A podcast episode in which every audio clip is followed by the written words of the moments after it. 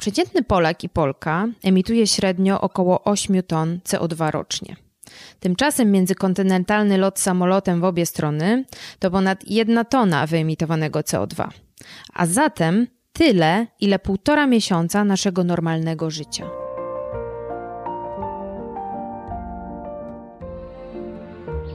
Tu Ania Pięta z podcastu Mutatox. Razem z marką Electrolux zapraszam Was na podcast Klimatyczne Rozmowy, czyli rozmowy o tym, jak przedłużyć datę ważności naszej planety.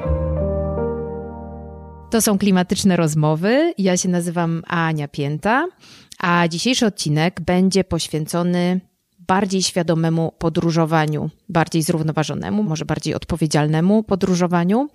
I w związku z tym moją dzisiejszą gościnią jest, y, myślę, że ktoś, kogo nie muszę bardzo wielu osobom przedstawiać, Natalia Kusiak, podróżniczka, prowadzi swojego bardzo popularnego bloga, ale też y, mocno aktywna osoba na Instagramie. Cześć Natalia. Cześć Aniu. Zrobiłam cię podróżniczką w pierwszej kolejności, więc y, to chyba takie już mocne intro do tej naszej naszej rozmowy, do wstępu. No i będzie o podróżach po prostu. Bardzo tak postaramy się, żeby to dla Was było przyjemne, miłe, ale też y, bardzo naszpikowane tipami, informacjami na te podróże.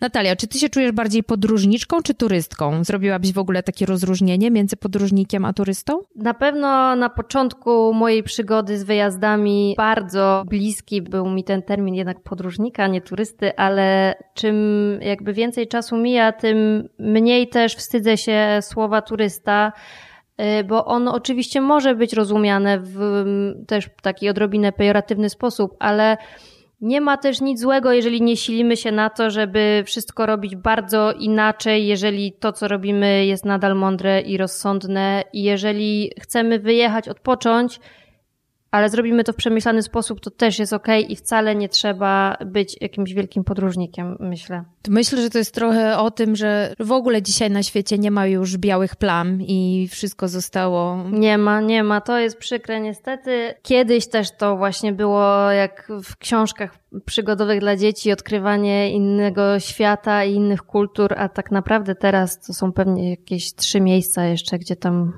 noga człowieka nie postała. Wiesz jak jest. No wiem jak jest, wiem jak jest, wiem, że jesteśmy wszędzie i, i tak naprawdę no, epoka, w jakiej teraz żyjemy, czyli ten słynny antropocen, jest trochę o tym, że udało nam się zdominować prawie wszystko i wszystkie procesy na tej ziemi.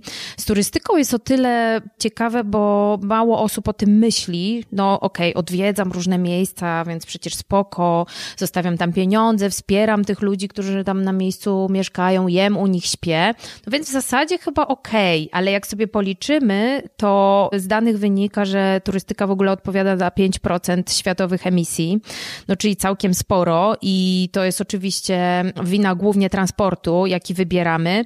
Jak ty powiedz, jako taka odpowiedzialna turystka slash podróżniczka yy, sobie z tym radzisz? Jak też przez to, że twoje życie jest i to, co widzę po twoich yy, social mediach, jest dużo bardziej świadome, jak się w tej podróży zmieniło. Przede wszystkim wydaje mi się, że to jest ten temat z gatunku e, tego, czym więcej się dowiadujesz, tym jest trudniej. Bo tak naprawdę na początku e, takiej przygody, no to właśnie się wydaje, że no wystarczy tam na przykład nie śmiecić, nie? A potem czym głębiej wchodzisz w ten temat, to okazuje się, że to jest dużo bardziej złożona kwestia i można popełnić dużo więcej błędów niż przychodzi ci to do głowy, więc trzeba po pierwsze zaakceptować, że to jest droga i to jest po prostu ciągłe uczenie się tego i to nie jest tak, że ktokolwiek z nas jest, y, może z dnia na dzień zostać mistrzem odpowiedzialnego podróżowania, tak to nazwijmy, tylko po prostu trzeba wziąć na klatę to, że czy ty, czy ja nadal będziemy popełniać jakieś błędy.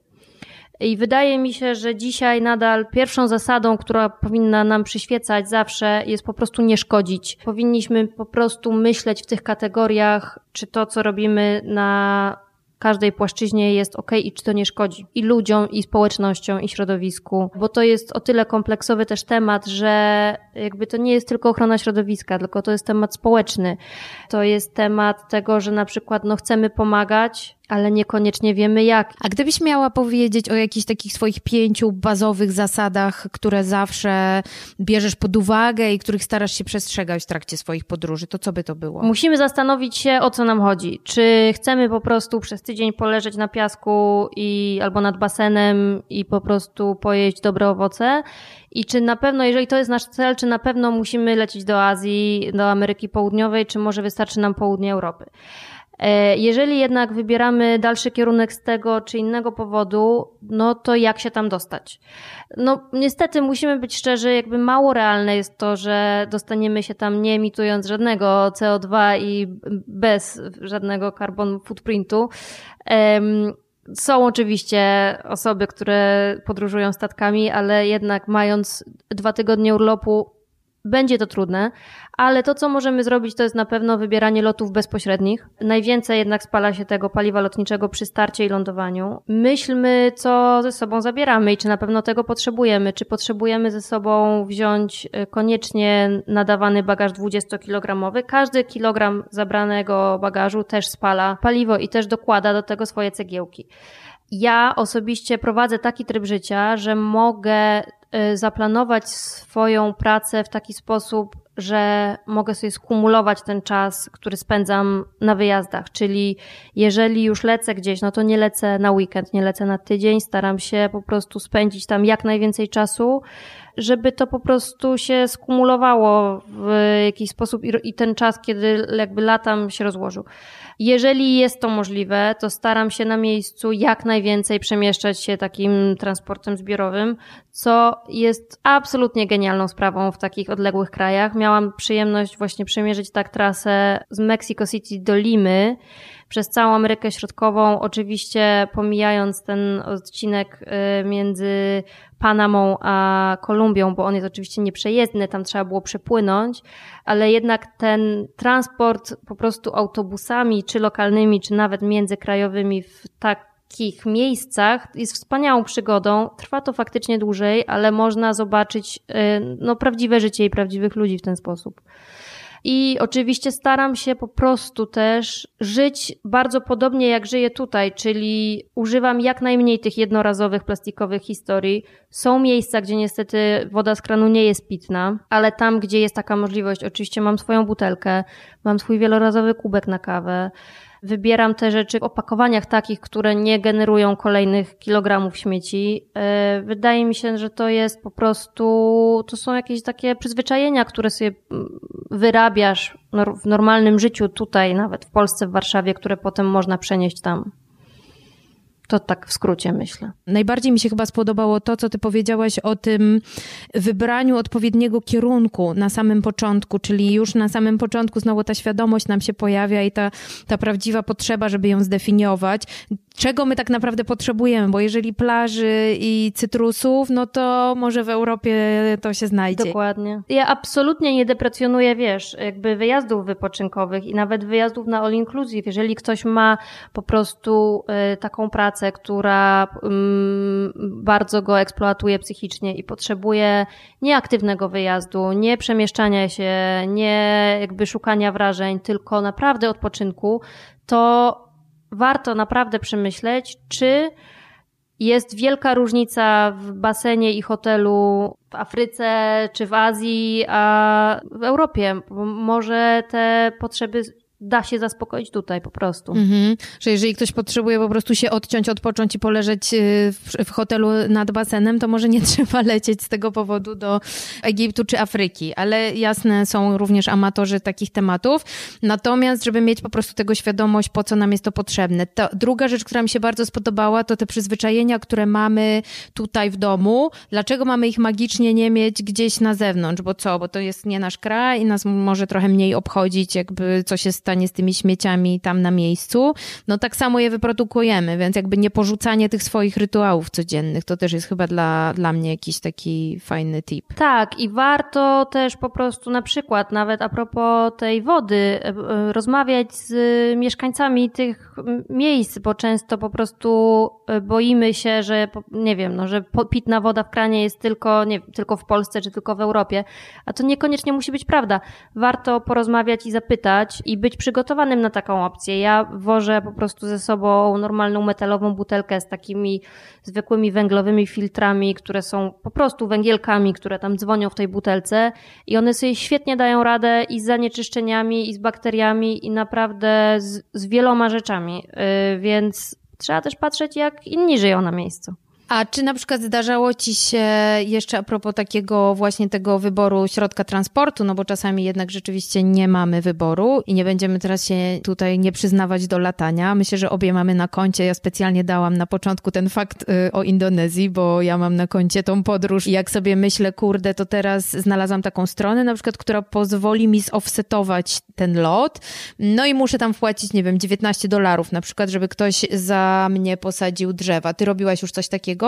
Ja decydowałam się na taką trochę prostszą opcję, a mianowicie niektóre linie lotnicze oferują dopłatę do biletu ekologiczną, tak to nazwijmy, która jest sporym ułatwieniem, bo ym, no, nie wymaga to naprawdę z naszej strony żadnego wysiłku. Po prostu dorzucamy do tego koszyka zakupowego wtedy tą zieloną opcję i oni robią to za nas. No co jest jakimś rozwiązaniem oczywiście. No też nie oszukujmy się, pewnie nie idealnym, bo jednak nadal latamy ale jest też wygodna. No są też aplikacje, są organizacje, które się tym zajmują. Też w zależności od konkretnej organizacji ta cena za kilogram CO2 może być różna, ale uważam, że to jest też bardzo fajne, że linie lotnicze się tym zaczęły interesować, zaczęły zajmować, e, ale też a propos linii lotniczych, to też jest taka ciekawostka, o której nie wiem, czy wszyscy wiedzą, ale nie wszystkie są bardziej i mniej zielone linie lotnicze w kontekście tego, że niektóre linie spalają więcej, a niektóre mniej paliwa lotniczego. Jest to związane między innymi tam z milionem różnych technicznych kwestii, ale między innymi też z tym, z jaką prędkością latają samoloty. Więc też na wstępie możemy wybrać te, które latają trochę wolniej, ale jednak spalają trochę mniej. Co też jest myślę fajne. Super. I tak będziemy szybko na miejscu, więc fajnie, ja tego zupełnie nie wiedziałam. Ja mam na przykład znajomą, która lata tylko do miejsc, które mają jakiś w ogóle system zarządzania odpadami. I na przykład zupełnie, oczywiście jest to związana z tym zawodowo, więc to jest dla niej bardzo ważne, ale jak ona mi powiedziała, to sobie pomyślałam, kurde, trochę hardcore, bo na Sycylię już bym sobie pewnie nie poleciała, czy nie pojechała, bo tam można dojechać, ale y, z drugiej strony też sobie pomyślałam przez chwilę, że może coś w tym jest, rzeczywiście, że taka odpowiedzialność również w tym aspekcie, nie? Że na przykład ja na Bali miałam absolutnie ogromny problem, jakiś taki moralny i każdy mój wyprodukowany śmieć pewnie wylądował gdzieś tam w niepożądanym miejscu, dlatego że tam prawie w ogóle nie ma zarządzania tymi odpadami. Czy ty też miałaś takie przemyślenia na miejscu? Ja spotkałam się w ogóle jeszcze, jeszcze z inną sytuacją, ale trochę jakby z tej rodziny. Mianowicie byłam na Sri Lance w takiej, nazwijmy to eko-ajurwedyjskiej, zero-waste'owej wiosce, w której oficjalnym komunikatem na wstępie, kiedy pani nas witała w tym ośrodku, było to, że jeżeli będziemy mieć jakieś plastikowe śmieci, to mamy je zabrać ze sobą.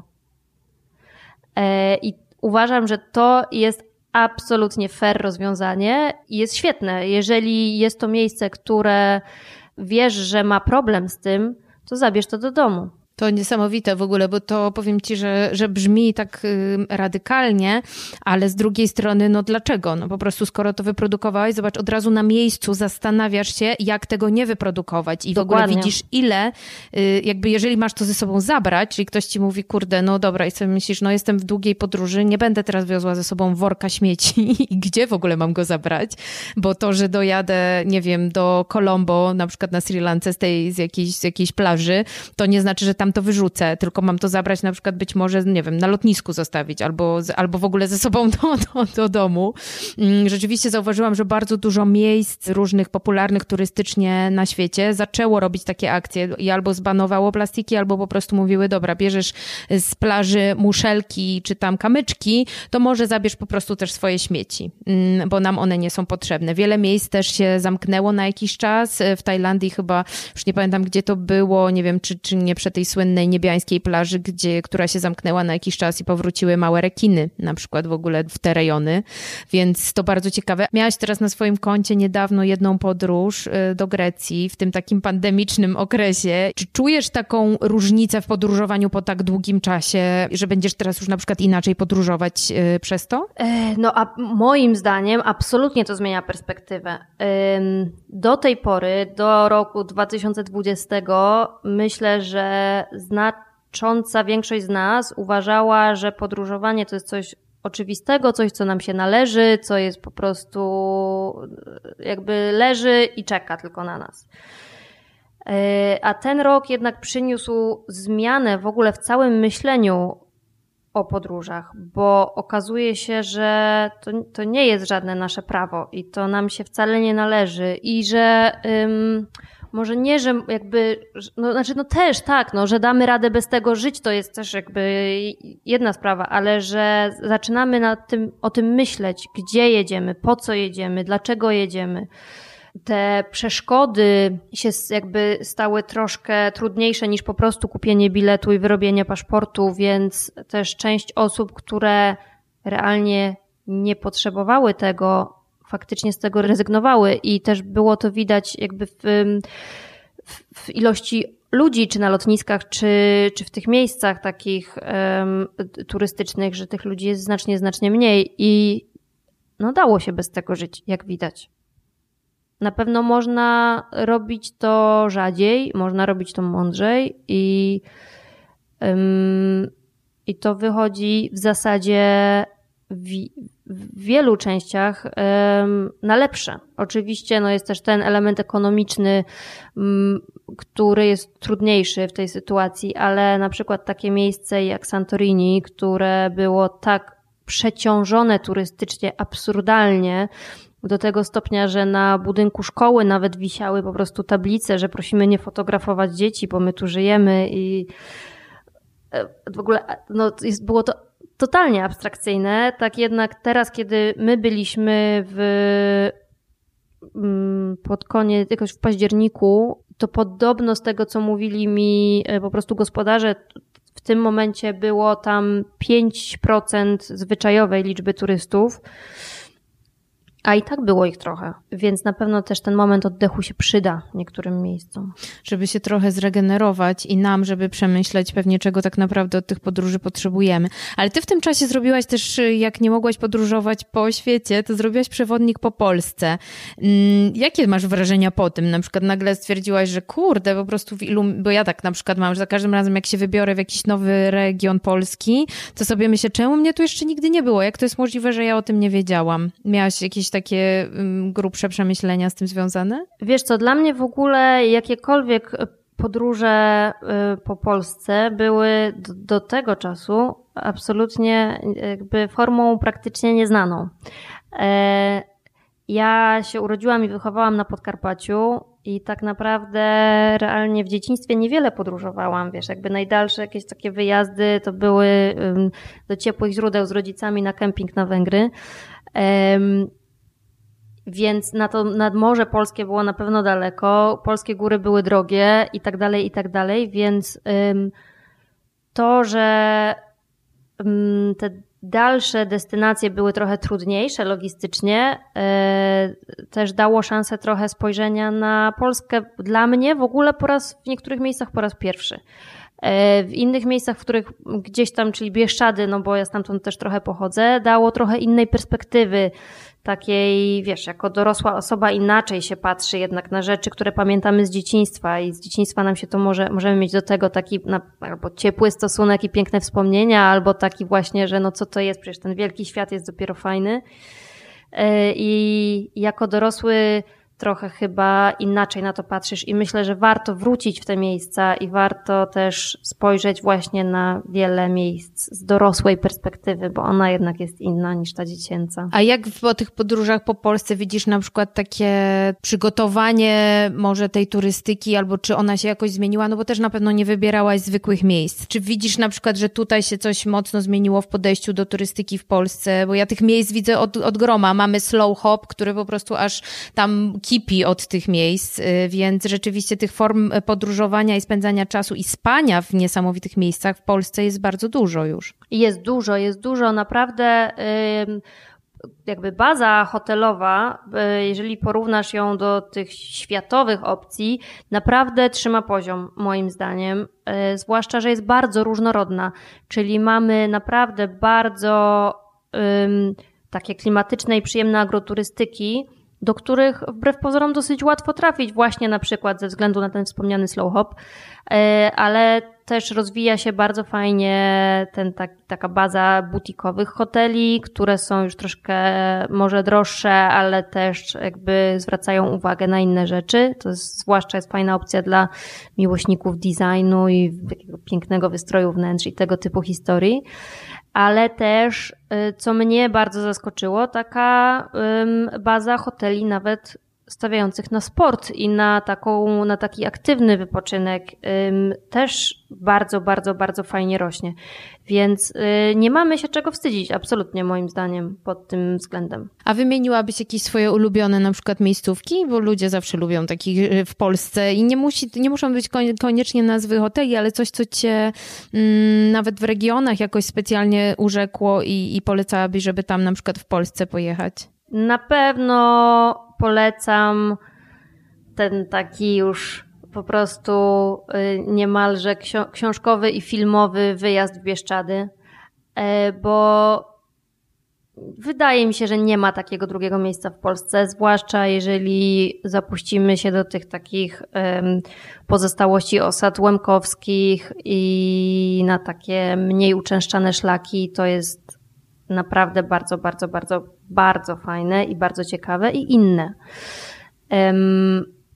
A pod takim względem, dla, dla, może tak, że dla osób, które nie mogą siedzieć w miejscu i potrzebują naprawdę wiele atrakcji, Dolny Śląsk, bo on jest bardzo różnorodny, jest naprawdę przepiękny yy, przyrodniczo, ma dużo parków, gór, lasów, ale też ma absolutnie najwięcej chyba takich miejsc typu podziemne miasta, kopalnie, zabytkowe kościoły, największy jakiś drewniany kościół w Europie i tak dalej, i tak dalej.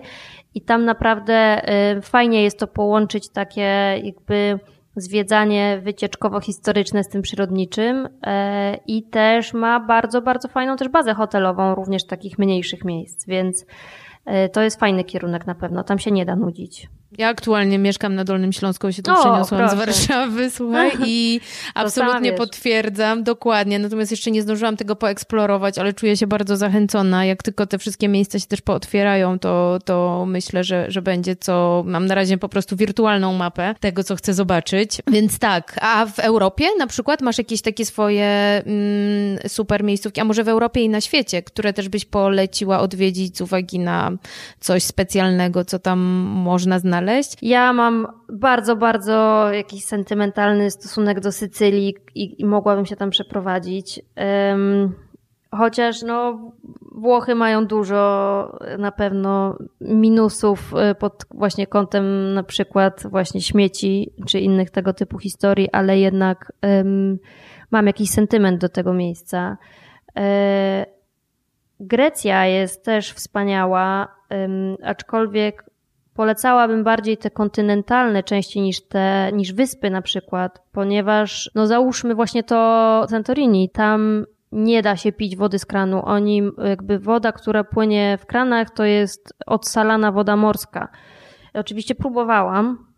To nie jest tak, że nie, próbowałam, ale naprawdę się nie da. To jest okropne.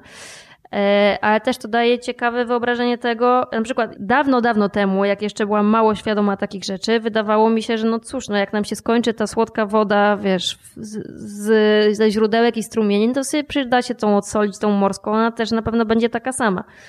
No cholera, nie. Nie będzie nigdy taka sama. Jest obrzydliwa, więc y, to jest też daje y, ciekawe inne spojrzenie na sprawę.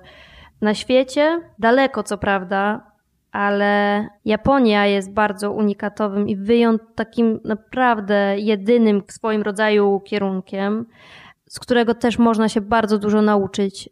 Między innymi właśnie takich um, takiego ekologicznego podejścia, zwłaszcza do śmieci. Oni recykling mają na tak absolutnie wysokim poziomie. Jak ja e, pierwszy raz byłam w Japonii, jakby ilość plastiku w sklepach była dla mnie bardzo zaskakująca, bo jednak słyszałam wszędzie i zawsze o tym, że ta Japonia stoi na bardzo takim wysokim poziomie, więc nie za bardzo mi to jedno do drugiego pasowało, ale później jak się zagłębiłam w ten temat i dowiedziałam się, że oni tam jakby segregują odpady w niektórych miasteczkach nawet na 45 frakcji e, i recyklingują praktycznie wszystko, co się da, to jest też bardzo ciekawe i też uczy. I też to na przykład, że nie ma tam koszy na śmieci na ulicach i też musisz wszystko, co wyprodukujesz w ciągu dnia też nosić ze sobą i też możesz zobaczyć, ile tego jest w końcu.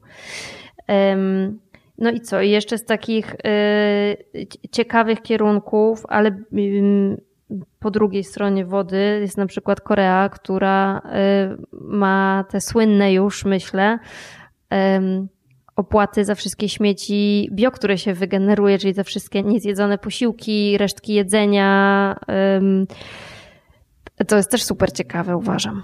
To ciekawe, w ogóle rozwiązania, o których mówisz. Y, ja z tego, co widzę tutaj w Europie, tak najbardziej w takim, takim zrównoważonym kierunku też zrównoważonej turystyki. Gdzieś tam idzie Portugalia i bardzo mocno chce być w ten sposób y, rozpoznawalna.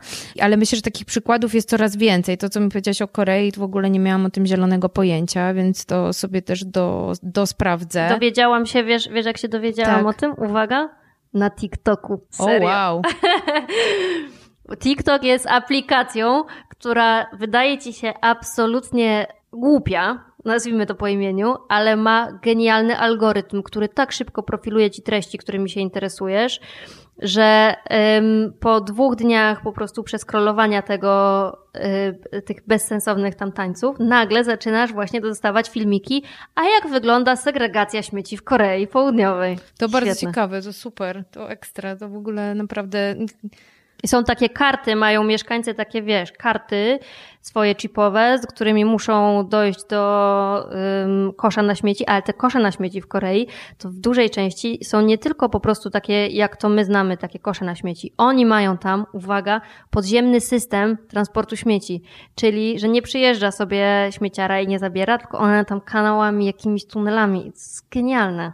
I jeszcze presja społeczna jest na tyle duża, tam sąsiedzka, że jeżeli ktoś tam wrzuci przypadkiem, gdzie, albo specjalnie, żeby nie zapłacić do jakiegoś innego miejsca i nagrają go kamery, to potem jakby sąsiedzi z nim nie rozmawiają podobno przez kilka tygodni. Śmieciowy ostracyzm y, i shaming. E, wiesz co, takie rozwiązania chyba już są w Europie, nie wiem czy gdzieś w Holandii, czy w Wielkiej Brytanii, ale już, już ten podziemny taki y, krąg śmieciowy istnieje dokładnie. Chociaż ja jak o tym usłyszałam pierwszy raz, to miałam takie kurde, czy to jest do końca dobre, bo wtedy tych śmieci trochę nie widzimy, więc nie uważamy, że są problemem, nie? A jak one nam leżą taką wielką górą pod nosem, to, e, to Chyba, je... że płaci płacisz za każdy kilogram, to wtedy wiesz dobrze, ile wyrzucasz. Dokładnie. Myślę, że ta ewidencja śmieci niestety prędzej czy później nas wszystkich czeka, taka po prostu chip, karta, kod kreskowy, bo inaczej... I to jest świetne. Ja uważam, że to jest absolutnie świetne i to jest jedyna droga do tego, żeby te osoby, które nie interesują się tym na co dzień, faktycznie zaczęły na to zwracać uwagę. Zdecydowanie i wtedy widzisz, ile tego w ogóle produkujesz we wspomnianych przez ciebie w Bieszczadach, które ja uwielbiam absolutnie. Z tego, co pamiętam, jak sobie tam chodziłam górkami, to, to przy domach były takie, y, wiesz, zbiorcze worki z kodami kreskowymi i posegregowane na cztery frakcje. I tam moja ciotka, która też tam ma dom mi właśnie mówiła, że tu absolutnie nie można wyrzucić czegoś do innego worka niż masz kolor, bo każdy, jest to do sprawdzenia, dlatego że każdy y, dom ma swój tam kod kreskowy przypisany i, i po prostu... Tak, tak, tak. I kupuje się worki na śmieci specjalnie, wiem, moja mama to robi, tak. Jeszcze masz jakieś takie typy kierunków, które coś takiego wprowadzają, bo to jest ciekawy wątek wątek. Wiesz co, jeszcze y, takim krajem niestety też odległym, y, ale uważam, że ciekawym jest Sri Lanka.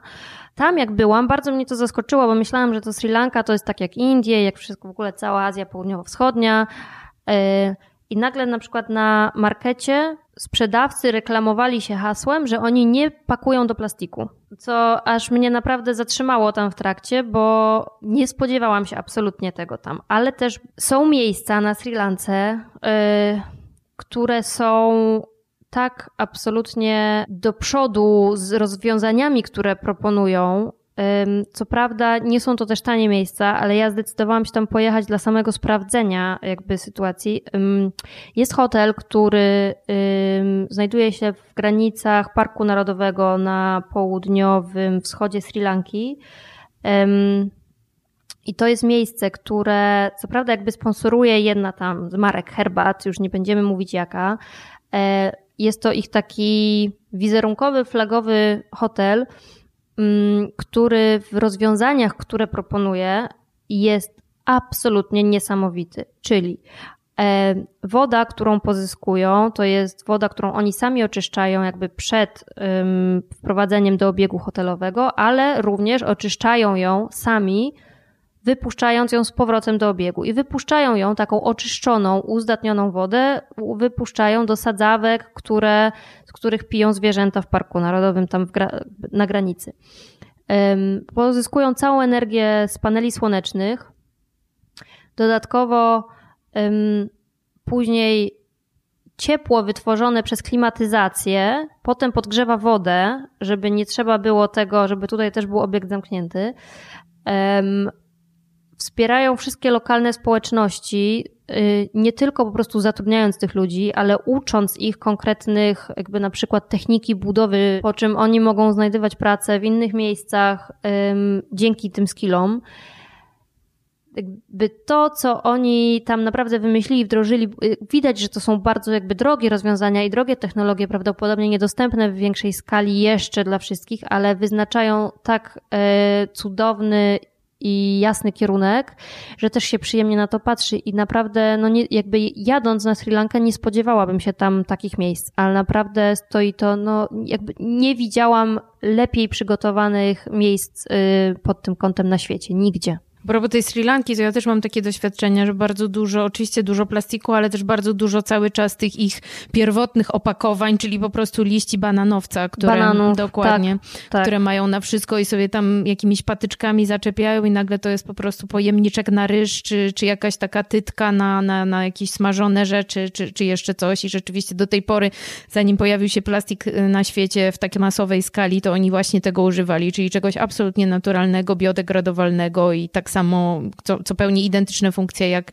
torebki. Plus rzeczywiście ja się tam y, spotkałam bardzo często z papierowymi torebkami albo z zawijaniem w gazety. Z tego jest bardzo też słynna Sri Lanka, że bardzo wiele rzeczy zawijają w gazety, nawet kopertę na pocztówki, które kupowałam, dostawałam zrobioną ze starej gazety, więc pewnie trochę świadomość, a trochę, a trochę po prostu potrzeba, no i jakaś tam pewnie jednak, jednak y, no bieda, ale, mm, ale no tutaj jakiś taki pozytywny aspekt y, więc to rzeczywiście mm, Sri Lanka mnie jakoś tak mniej nawet y, y, mniej dojechała, jeśli chodzi o jakość powietrza chyba niż, niż, niż Bali momentami, która jest też piękną wyspą i też ma mm, dużo przepięknych i bardzo eko miejsc, bardzo przygotowanych i z permakulturą i tak dalej, no ale powietrze i palenie śmieci na Bali to jest jakiś dramat y, totalny. No tak, no i jakby cała też linia brzegowa, która nie jest hotelowa, tylko y, kończy się plaża hotelowa i zaczyna się niestety wysypisko. No tak jest w Indonezji.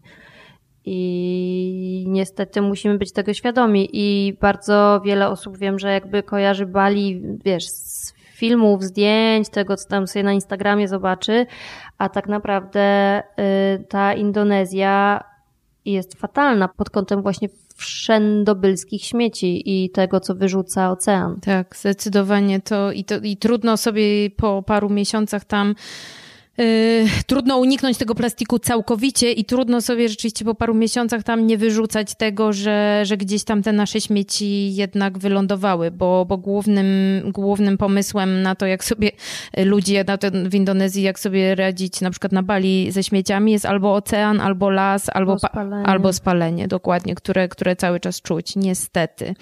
No dobrze, Natalia, to w takim razie mm, tak trochę podsumowując y, powoli, e, myślę sobie, jakbyśmy jeszcze raz miały wymienić takie zasady tego y, świadomego i bardziej odpowiedzialnego podróżowania mm, i podsumować też to wszystko, co powiedziałyśmy y, sobie przez, przez całe to spotkanie tych klimatycznych naszych rozmów.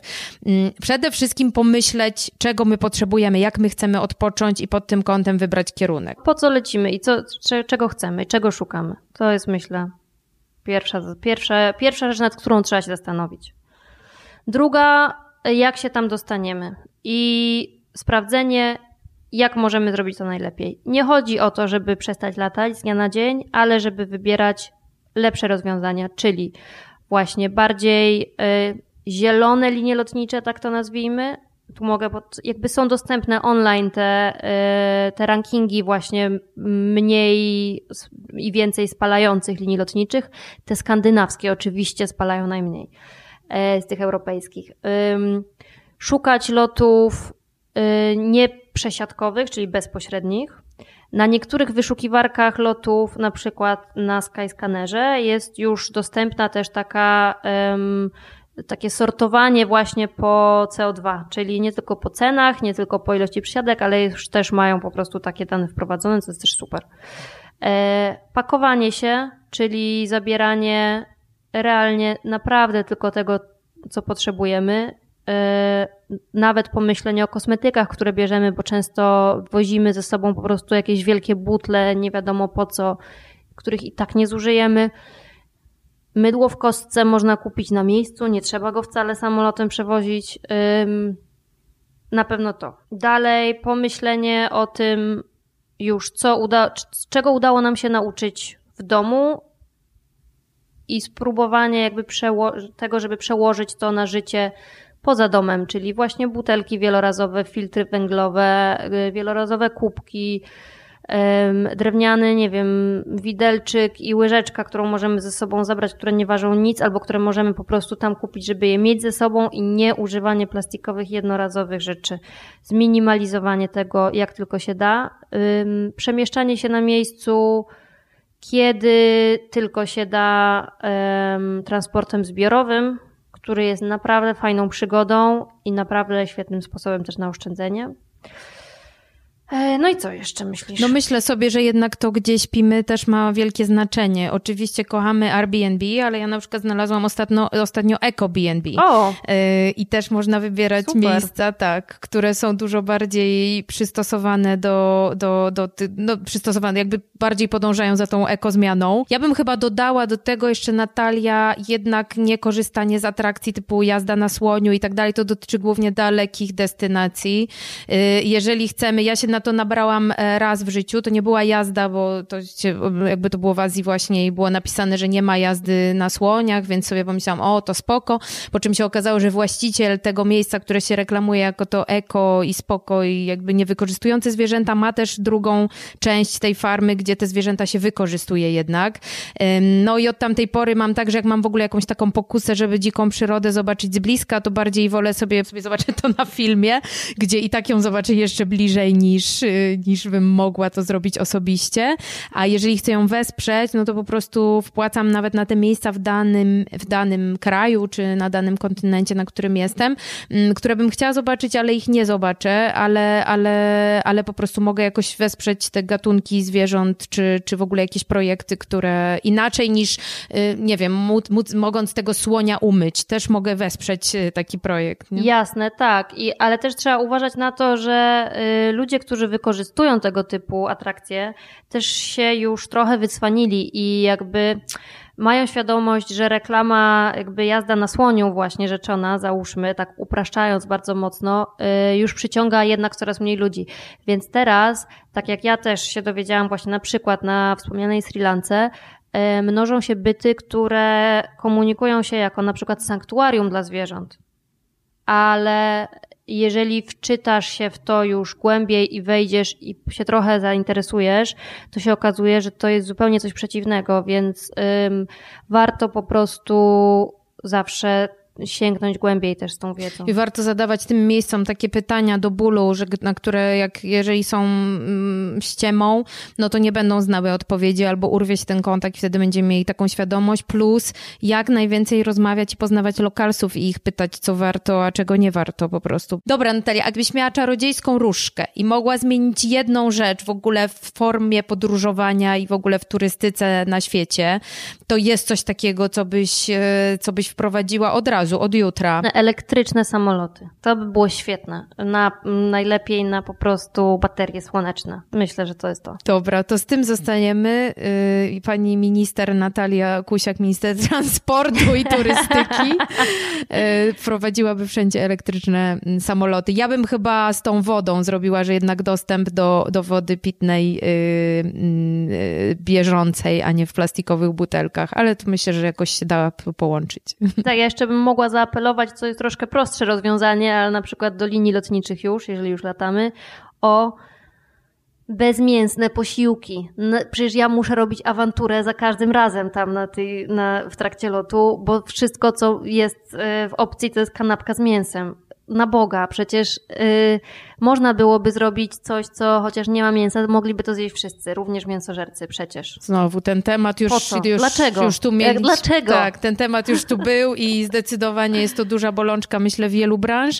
To do linii lotniczych jeszcze bym dodała wielorazowe sztućce i talerzyki. Ja wiem, że to też jest problem, to pewnie waży i w ogóle, ale pamiętam jak, jak kiedyś jeszcze polski lot to miał, a niestety zginęło to bezpowrotnie. Może jeszcze w jakichś takich, w tych bardziej luksusowych albo właśnie może w jakichś skandynawskich liniach, natomiast tego nie ma i ja za każdym razem jak widzę ilość plastiku w samolocie, to robi mi się absolutnie słabo, to jeszcze się powiększyło, czy potroiło nawet przez pandemię, bo, bo wszystko jeszcze maseczki przyłbić. Wszystko jest jednorazowe, Dokładnie. Tak. Ale jeżeli jeszcze jakby poruszamy temat y, bardziej luksusowych linii, tudzież bardziej luksusowego latania, to też bierzmy pod uwagę to, że klasa ekonomiczna to jest jedno, ale potem jest klasa biznes, która lot klasą biznes to jest razy 3 w całe CO2, a jeszcze pierwsza klasa to jest razy ponad 9, więc też wybierajmy może mniej wygodne, nawet jeżeli nas stać kogokolwiek, ale jednak y, ekonomiczne latania. Myślę, że tym możemy zakończyć. Wybierajmy ekonomiczne rozwiązania, ekonomiczne dla nas i, i dla planety, dużo bardziej ekonomiczne i, i, i mniej szkodliwe dzięki temu, co jest taką sytuacją bardzo pozytywną, bo są, y, y, wszyscy na tym korzystamy. Y, moją gościnią była Natalia Kusiak, podróżniczka, autorka bloga i bardzo aktywna instagramerka również również. Dziękuję Ci bardzo, Natalia, za te Dziękuję, wszystkie podróżnicze myśli i tipy. A to były klimatyczne rozmowy o przyziemnych sprawach.